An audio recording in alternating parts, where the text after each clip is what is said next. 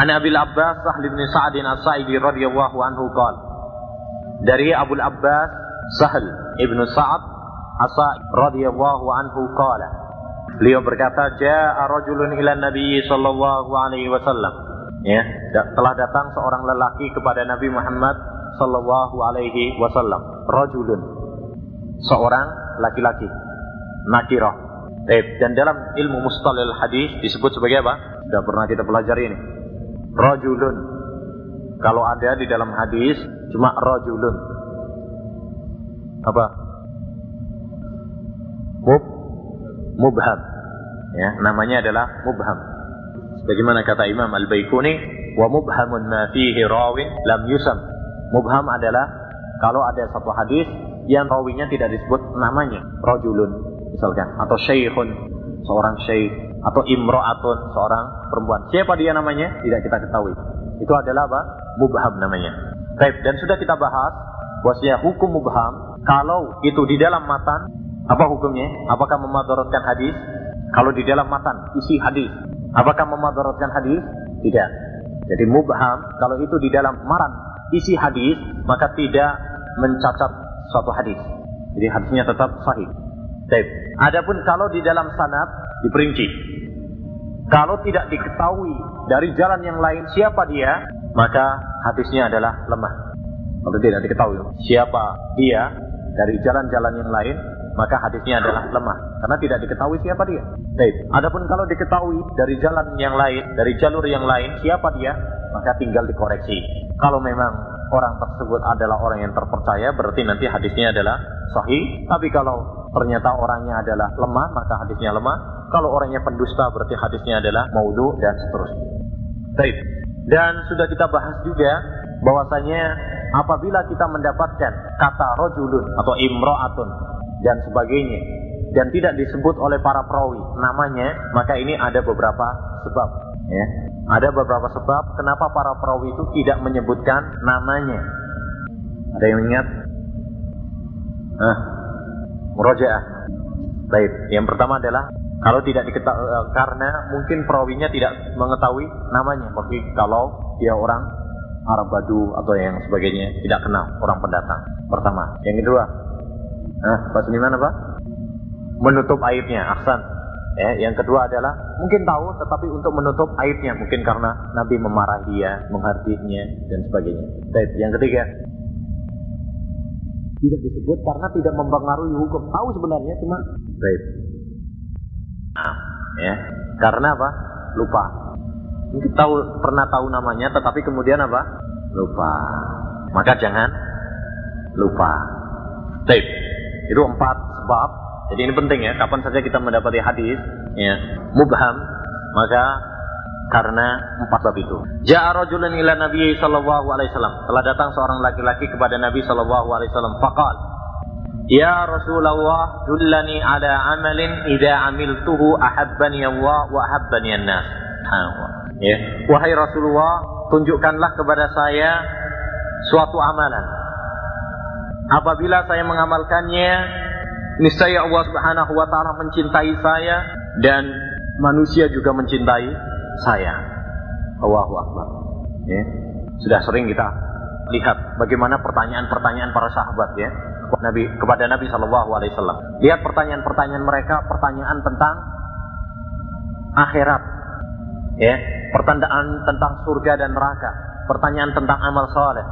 Di sini ada hal yang baru lagi.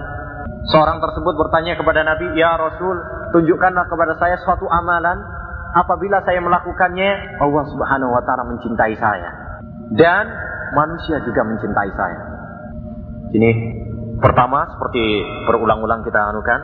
Di sini dapat kita ambil faedah apa? Semangatnya para sahabat dalam menuntut ilmu. Ya.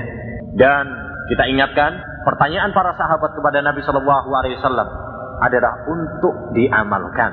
Karena amal ikhwani adalah buah dari apa? Ilmu. Apalah artinya buah ilmu apabila tidak diamalkan? Rasulullah sallallahu alaihi wasallam Allah wa berfirman, "Ya ayyuhalladzina amanu, lima taquluna ma la taf'alun?" Wahai orang-orang yang beriman, kenapa kalian eh, mengatakan apa yang tidak kalian lakukan? Ya. Dan Rasulullah SAW mengajarkan kepada kita doa yang sangat bagus sekali. Salah satunya adalah apa? Wa ilm la wa buka min ilmin la yanfa. Saya berlindung kepada Engkau ya Allah dari ilmu yang tidak bermanfaat. Dan termasuk ilmu yang tidak bermanfaat adalah ilmu yang tidak diamalkan. Ya, itu termasuk ilmu yang tidak diamalkan. Ilmu yang tidak diamalkan adalah ilmu yang tidak bermanfaat. Baik.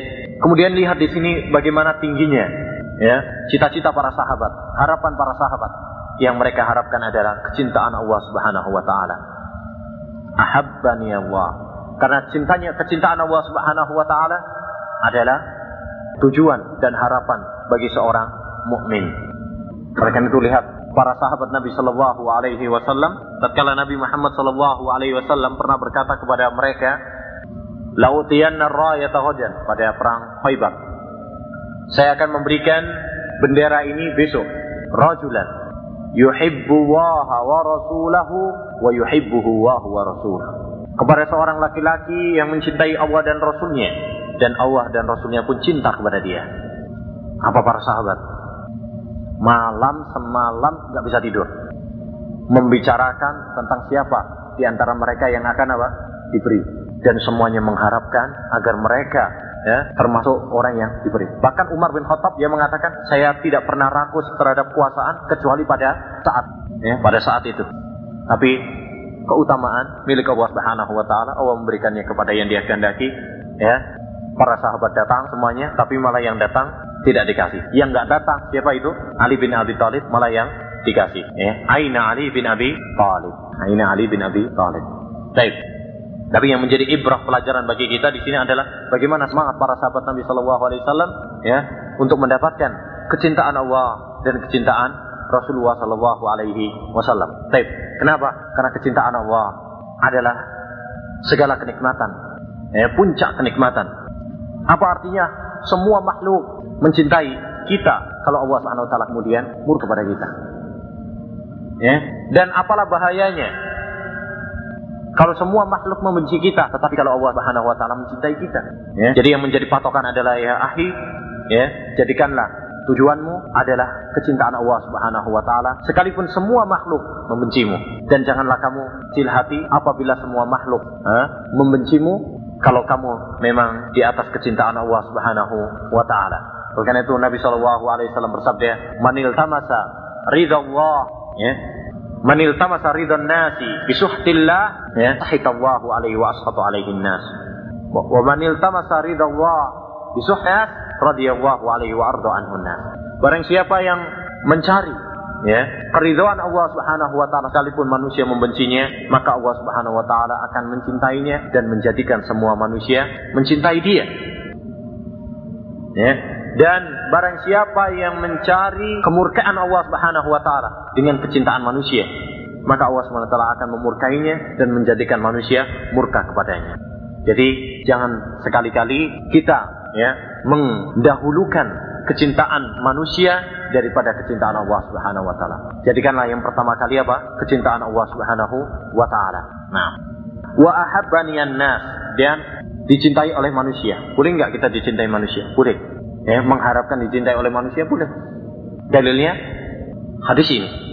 Hadis yang lain seperti hadis Abu Hurairah radhiyallahu anhu ya dalam kisah Muslim, riwayat Imam Muslim di mana dia pernah menceritakan bahwa dia selalu mendakwai ibunya untuk masuk Islam. Tetapi apa? Ibunya enggak mau masuk Islam. Berulang-ulang masuk Islam. Kemudian datang kepada Nabi Shallallahu Alaihi Wasallam dalam keadaan menangis, nangis. Kenapa menangis? Ya, karena sayangnya kepada ibunya, ya, tidak mendapatkan hidayah. Menangis, mengadu kepada Nabi Shallallahu Alaihi Wasallam, dan minta kepada Nabi agar apa? Mendoakan supaya ibunya diberi hidayah masuk Islam. Eh, kemudian Nabi Shallallahu Alaihi Wasallam apa? Mengangkat tangannya dan berdoa agar ibunya Abu Hurairah radhiyallahu diberi hidayah masuk Islam. Akhirnya Abu Hurairah pun apa? Pulang. Pulang sebelum mengetuk pintu, ya, dibilang sama ibunya jangan masuk. Ya, dia mendengar apa? Ibunya sedang mandi sedang mandi. Baik, setelah itu dibukakan pintunya seraya mengatakan asyhadu an la ilaha illallah wa asyhadu anna muhammadar rasulullah. Baik. Langsung setelah itu apa Abu Hurairah balik lagi kepada Nabi Shallallahu Alaihi Wasallam menangis juga. Tapi nangisnya berbeda. Kalau nangis yang pertama tadi nangisnya karena sedih. Tapi kalau yang kedua ini nangisnya karena nangis gembira dan senang. Jadi nangis itu kadang karena sedih dan kadang juga karena apa? Gembira. Ya, nangis itu jangan dihukumi orang nangis itu kemudian apa? Mesti apa? Sedih enggak mesti. Kadang ada orang nangis karena apa? Gembira. Paham? Oleh itu salahlah di Al Imam Ibnu Hazm rahimahullah taala ya, dia menghukumi bahwasanya ya, tatkala berbicara tentang aduh ini agak melantur sedikit ya, maaf.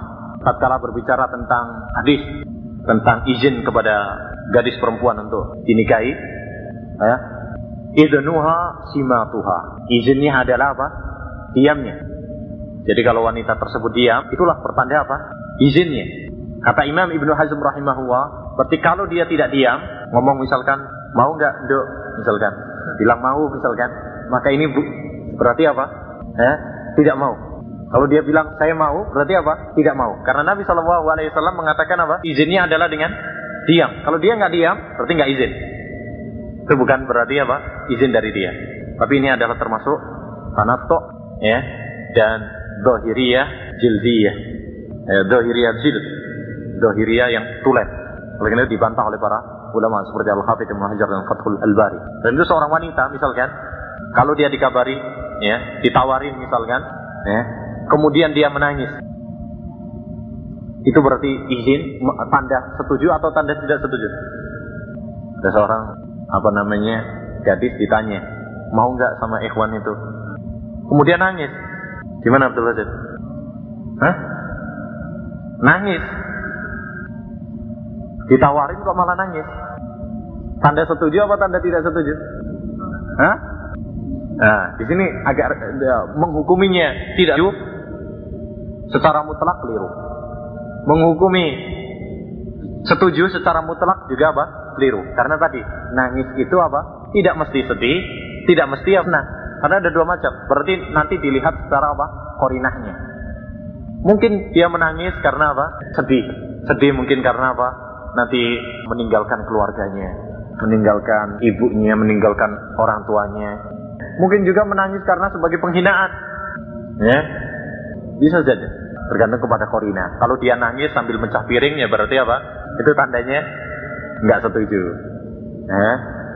Tapi kalau dia nangis kemudian sujud syukur berarti setuju. Jadi dilihat kepada apa? Korinanya. E, kembali ke kisah Abu Hurairah tadi. Kemudian apa? Dia minta kepada yang ini menjadi syahidul maqam. Minta kepada Nabi SAW setelah itu, Ya Rasul, doakanlah saya dan ibu saya. Agar semua orang yang melihat saya dan ibu saya mencintai kami berdua. Ya, akhirnya kata Abu Hurairah, setelah itu Nabi SAW mendoakan saya. Dan agar menjadikan manusia mencintai Abu Hurairah dan ibunya. Maka tidak ada seorang yang beriman pun, kata kata Abu Hurairah, apabila melihat saya kecuali dia mencintai saya dan ibu saya. Allahu Akbar. Ya, dan ini termasuk barokah doa Nabi Muhammad sallallahu alaihi wasallam. Oleh karena itu, sekalipun kita tidak melihat Abu Hurairah, kita wajib mencintai Abu Hurairah. Kenapa? Karena doa Nabi sallallahu alaihi wasallam, seorang tidak ada seorang mukmin pun yang melihat Abu Hurairah kecuali apa? Mencintainya. Ya, cinta kepada Abu Hurairah tidak? Cinta. Ya. Semoga kita termasuk orang-orang yang dimaksud oleh Nabi, orang-orang yang beriman, yang cinta kepada Abu Hurairah. Maka di sini juga termasuk sindiran, bantahan kepada orang-orang yang mencela Abu Hurairah, benci kepada Abu Hurairah. Dikhawatirkan keimanan dari mereka. Nah, kemudian yang menjadi syahid di sini apa? Abu Hurairah minta didoakan oleh Nabi Sallallahu Alaihi Wasallam supaya manusia mencintai dia. Berarti boleh. Baik. Baik, kalau ahabbani Allah, Allah Subhanahu wa taala mencintai saya jelas. Di sini dapat kita ambil faedah bahwasanya Allah Subhanahu wa taala memiliki sifat mahabbah, cinta. Ya, Allah Subhanahu wa taala punya sifat mahabbah, cinta. Jadi Allah Subhanahu wa taala itu mencintai. Mencintai dan dicintai juga. Allah mencintai orang-orang yang beriman dan juga dicintai. Orang-orang yang beriman mencintai Allah SWT. Para nabi mencintai Allah SWT. Ya, makhluk-makhluknya mencintai Allah Subhanahu wa taala. Para rasul, para malaikat mencintai Allah Subhanahu wa taala. Jadi Allah SWT dicintai dan mencintai. Ya, tidak boleh kita tafsirkan ya sifat cinta ini dengan tafsiran-tafsiran seperti orang-orang yang disesatkan oleh Allah Subhanahu wa taala seperti al-mahabbah yakni itu adalah iradatut thawab menghendaki pahala dan sebagainya. Ini adalah apa? Takwil. Cinta ya cinta. Tidak boleh apa? Kita palingkan maknanya dari arti asli. Ya, tidak boleh. Dan ini adalah manhaj ahlu sunnah wal jamaah. Baik. Selanjutnya kata Nabi Shallallahu Alaihi Wasallam, Faqala izhad fid dunya yuhibbaka Allah. Zuhudlah engkau di dunia. Ya, niscaya Allah Subhanahu wa taala akan mencintaimu. Ya, zuhudlah engkau di dunia, maka niscaya Allah Subhanahu wa taala akan mencintaimu. Zuhud, apa itu zuhud? Zuhud adalah definisi yang paling bagus, definisi Syekhul Islam Ibn Taimiyah rahimahullah taala. Yaitu zuhud adalah tarku ma la yanfa'u fil akhirah. Ya, zuhud adalah tarku ma la yanfa'u fil akhirah. Meninggalkan apa yang tidak bermanfaat di akhirat. Ya, meninggalkan hal-hal yang tidak bermanfaat untuk akhirat ini adalah zuhud. Dari sini dapat kita pahami bahwa zuhud bukan berarti kita makannya pakaiannya compang-camping, ya, dilobangin, ya. Atau kalau kayak anak muda di kita Misalkan apa? Sininya dibelah-belah. Itu zuhud itu? Eh? Atau malah pandai mafia? Nah, baik. Itu bukan zuhud. Atau uh, zuhud itu ber, berarti ya itu apa? Nggak pernah makan, makannya sedikit. Ya, zuhud. Pakaiannya gembel, nggak pernah dicuci. Itu zuhud? Ya, baik. Bukan itu zuhud. Jadi zuhud adalah tarku mala yang fawa fil akhirah. Meninggalkan hal-hal yang tidak bermanfaat di akhirat itu adalah zuhud. Ya. Dengan dengan apa? Tidak terlalu mengingat mengikatkan diri kita dengan dunia. Ya. Dengan tidak mengikatkan diri kita kepada dunia. Karena dunia ini ya ikhwani adalah sekedar sementara. Jembatan menuju akhirat. Ya. Maka orang yang cerdas adalah orang yang menjadikan dunia ini sebagai alat untuk menuju akhirat. Imam Syafi'i rahimahullah taala pernah berkata dalam diwannya, "Inna lillahi ibadan futana, talaqud dunya wa khaful fitana." Sesungguhnya Allah Subhanahu wa taala memiliki hamba-hamba yang cerdas. Mereka meninggalkan dunia dan takut fitnahnya. Ya, nadaru fiha falamma alimu annaha laysat lil hayyi watana. Mereka melihat dunia. Setelah mereka mengetahui bahwasanya dunia ini bukanlah tempat yang abadi untuk orang yang hidup ya. Ja'alu halujatan wattahudu ya. Wattahudu wattahudu salihal a'mali sufuna. Tatkala mereka mengetahui bahwasanya dunia ini bukanlah tempat yang abadi bagi orang yang hidup, maka mereka menjadikan dunia ini hanya sekedar sebagai lautan.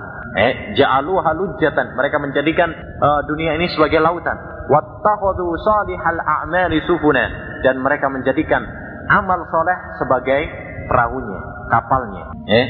Jadi dunia ini hanya sekedar sebagai apa? Wasilah, perantara kita untuk menuju akhirat. Itulah orang-orang yang cerdas. Ya, mengambil dunia sekedarnya untuk apa? Memperbanyak bekal di akhirat. Karena kehidupan yang hakiki, kehidupan yang abadi adalah kehidupan di akhirat kelak.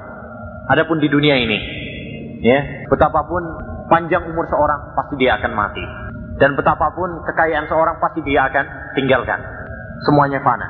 Ya, oleh karena itu janganlah tertipu dengan dunia. Jangan tertipu dengan dunia. Betapa banyak orang yang tertipu dengan dunia.